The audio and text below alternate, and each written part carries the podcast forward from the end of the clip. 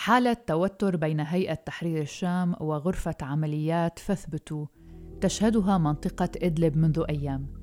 هذا ما سنتحدث عنه في حلقة اليوم من بودكاست في عشرين دقيقة. كانت مجموعة من الفصائل أعلنت في الثاني عشر من يونيو حزيران الحالي عن تشكيل غرفة عمليات تحت مسمى فاثبتوا في خطوة اعتبرت تحديا من بعض قياديي الهيئة السابقين لجماعة تحرير الشام وقائدها أبو محمد الجولاني.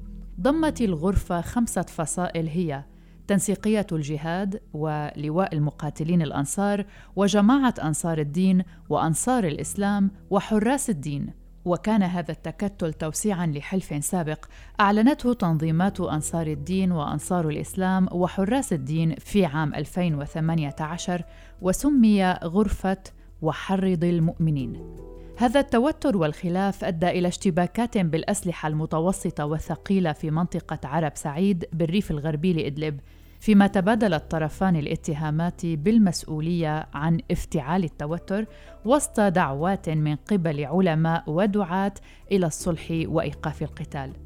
ورغم توقيع اتفاق وإصدار بيانات من الطرفين وهدوء الاشتباكات إلا أنها تجددت مساء الخميس الفائت في الخامس والعشرين من يونيو حزيران فيما توقفت صباح الثامن والعشرين من يونيو بعد أن قبلت الفصائل العسكرية ضمن غرفة عمليات فاثبتوا دعوات وقف القتال ضد هيئة تحرير الشام لكن وفق شروط.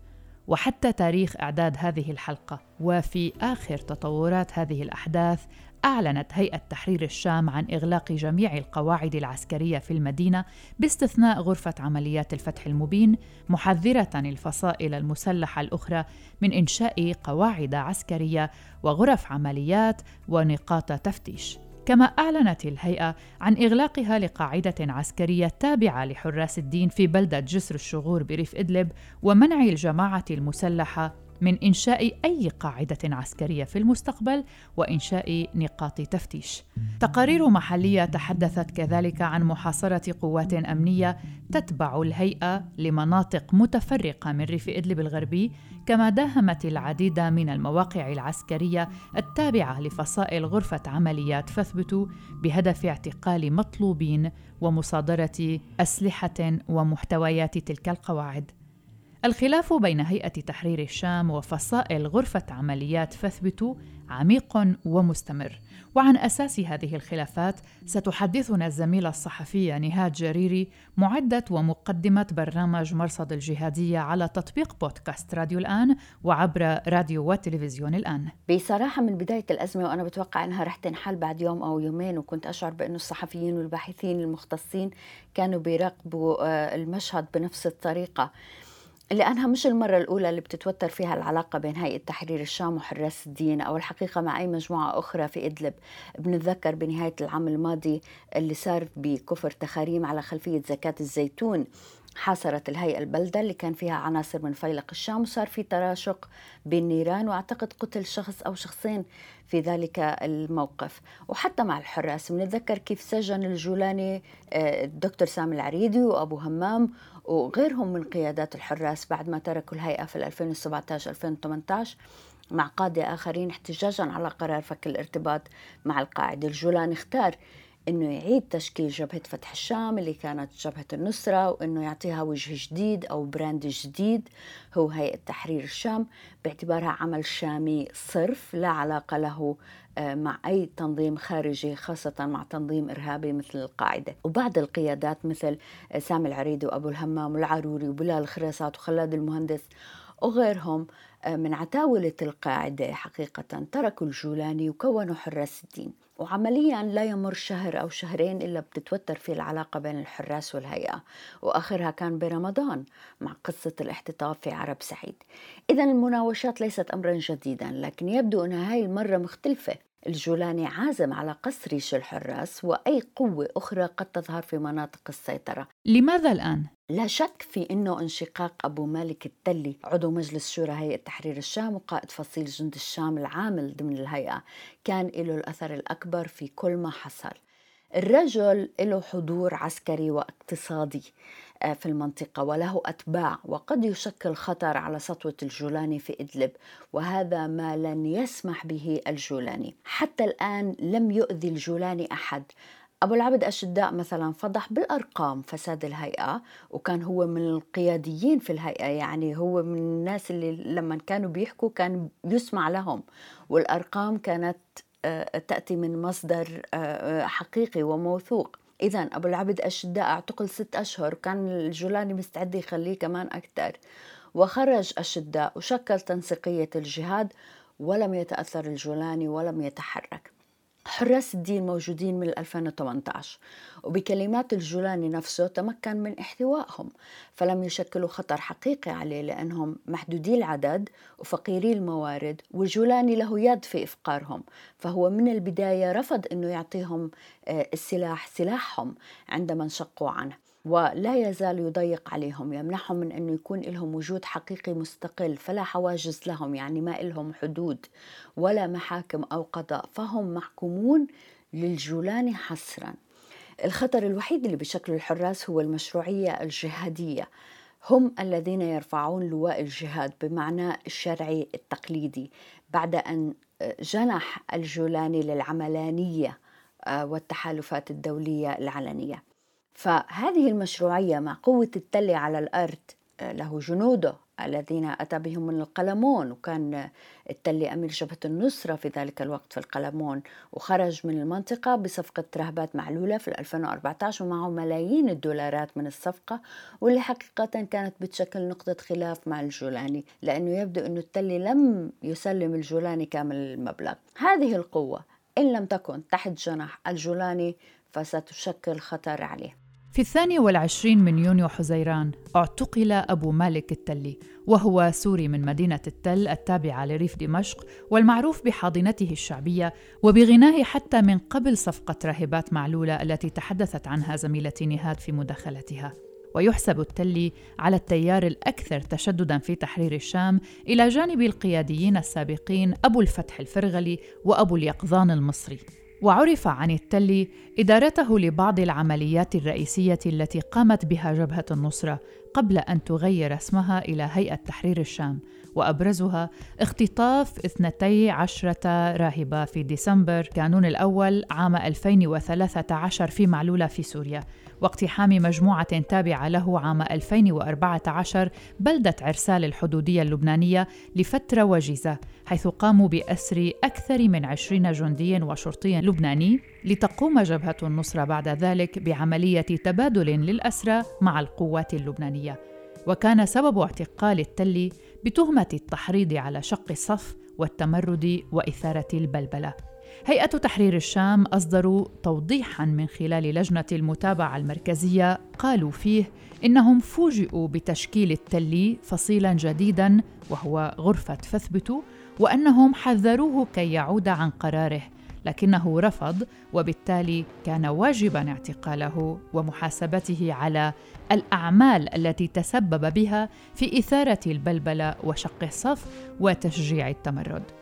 التلي سبق له أن قدم استقالته في نيسان إبريل الماضي عن هيئة تحرير الشام بعد أن شغل عضو مجلس شورى فيها وقال في بيان يومها إن سبب مفارقة الهيئة هو جهله وعدم علمه ببعض سياسات الجماعة أو عدم قناعته بها لكنه أجبر وقتها على التراجع.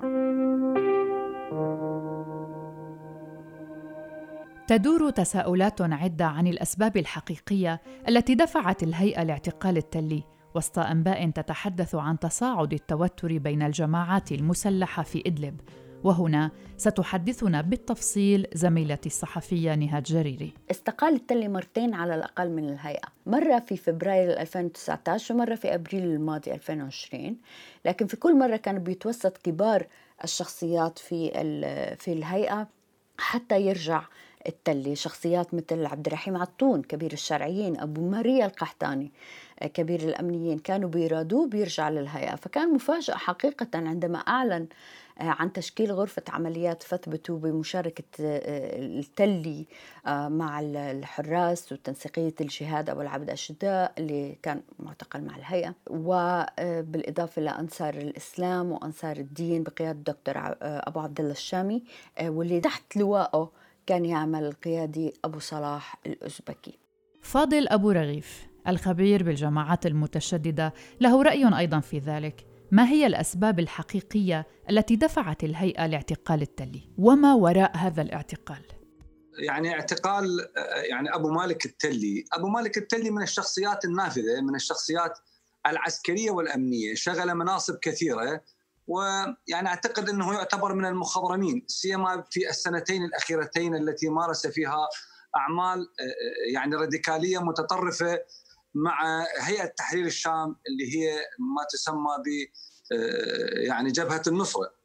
يعني سبق أن حذرت تحذيرات كبيرة جدا وشديدة جدا شديدة اللهجة إما تحذير وإما قتل وإما اغتيال وإما إخفاء وإما وعد ووعيد. وقرنت واشترطت مقابل أي انشقاق. قرنت اولا بوجوب عدم تشكيل أي فصيل، يعني الشخص الذي يقوم بالانشقاق يجب عليه أن لا يقوم باستحداث أو تشكيل أي فصيل ولا ينتمي لأي فصيل أيضا مسلح ولا يشكل أي فصيل، لذلك أبو مالك التلي حينما يعني حاول تشكيل لواء المقاتلين الأنصار أثار حفيظة أبو محمد الجولاني، أبو محمد الجولاني حينما قام بتشكيل لجنة المتابعة والإشراف وهي بمثابة غرفة أمن وغرفة عمليات صارمة تقوم بمتابعة ومراقبة كل القيادات المقربة من من جبهة النصره، القيادات الشرعية والقيادات الفقهية والقيادات العسكرية والقيادات المعنوية، سيما التي تتحكم بالقرار في جبهة النصره. لذلك هو حاول إغواءها من خلال منحها كثير من الجعالات والهبات والعطايا املا منه بين الترغيب والترهيب للإبقاء على تلك القيادات بما ينسجم وبقائها وعدم الهروب وعدم الانشقاق من قبل آه، تلك القيادات عن أبو محمد الجولاني. أعتقد أن في غضون الأسبوعين القادمين هناك خوف سيدب بين آه، أعضاء قيادات جبهة النصره لكن هذا يعني لكن هذا الخوف لن يطول يعني لن يعبد طويلا بسبب التسلط وبسبب الاستبداد الذي عليه أبو محمد الجولاني.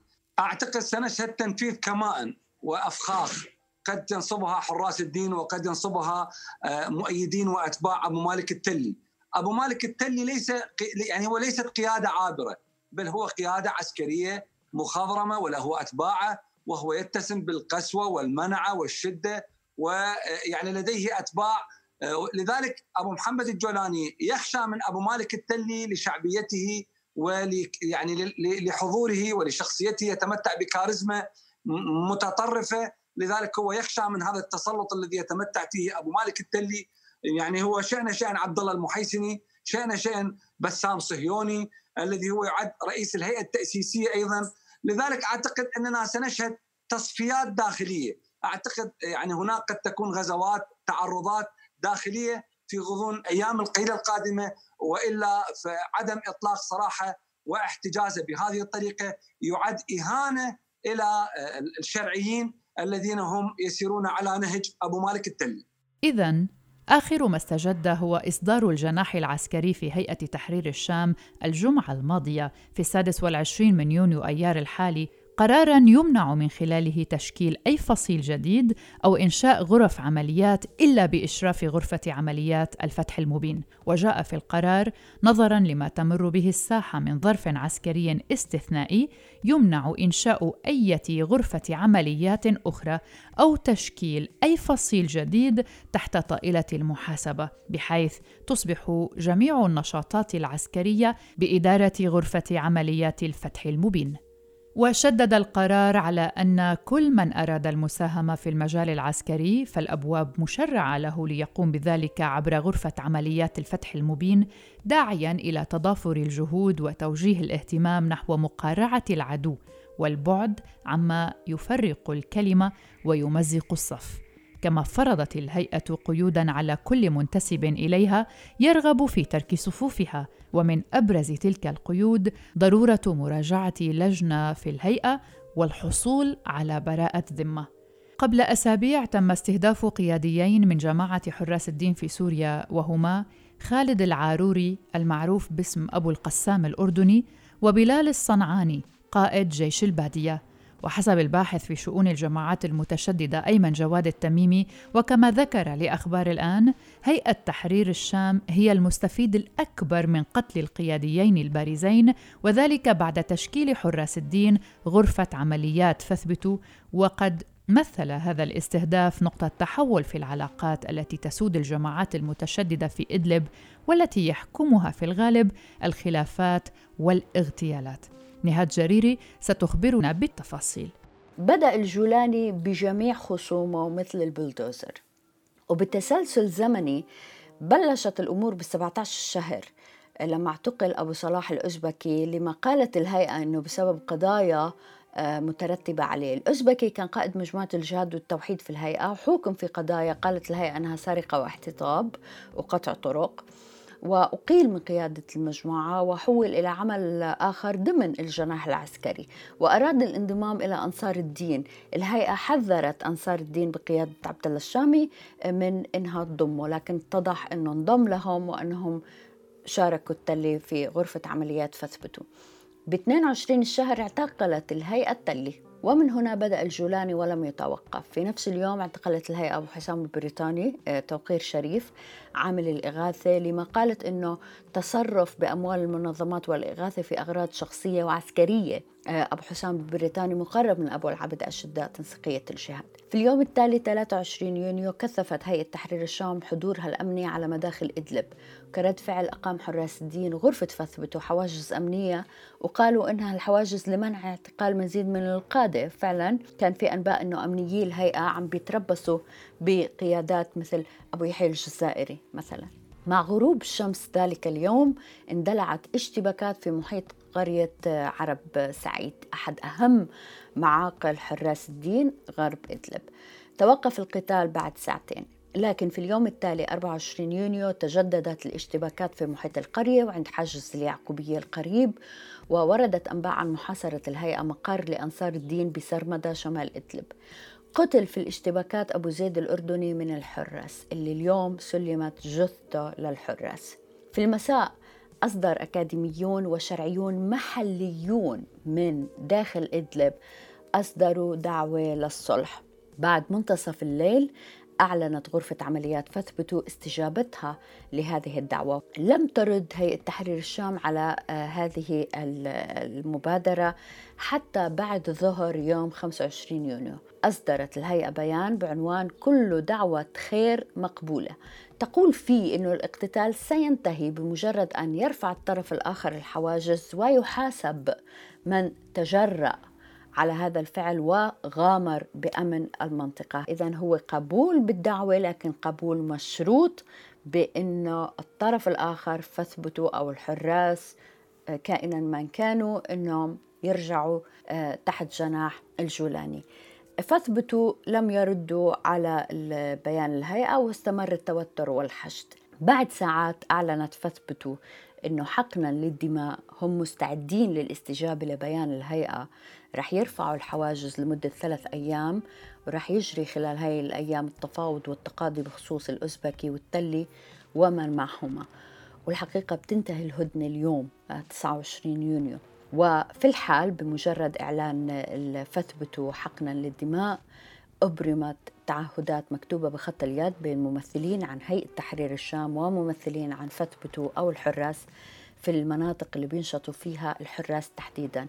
أين تقف الأمور اليوم؟ هيئة تحرير الشام عازمة على استئصال كل الجماعات المستقلة فرغت حراس الدين من جميع مقارهم حتى في جسر الشغور اللي هو برضه كان من الأماكن الاستراتيجية اللي بيستحكم فيها حراس الدين اللي بيقاتلوا إجمالا بحما وبالساحل. رابطت الهيئة يومين في عرب سعيد لاعتقال أبو عمر منهج اللي انشق عن الهيئة وانضم للحراس في وقت سابق انتهى الأمر بأنه سلم أبو عمر منهج نفسه وأنباء ترد عن مداهمة عناصر الهيئة لجماعات مستقلة أخرى واعتقالات في صفوف حراس الدين تحديدا. لم نسمع أي شيء من غرفة عمليات فثبتوا من يومين تقريبا. حتى أبو العبد الشداء الذي عاد للنشر في الأيام الماضية من خلال حسابه الشخصي أغلق آه، الحساب. والأهم هو أنه أبو محمد المقدسي منظر السلفية الجهادية والمؤيد للقاعدة نشر على حسابه التليجرام مقال طويل بعنوان ورطة أنصار الشريعة بين الفصائل آه، العميلة والمستعملة.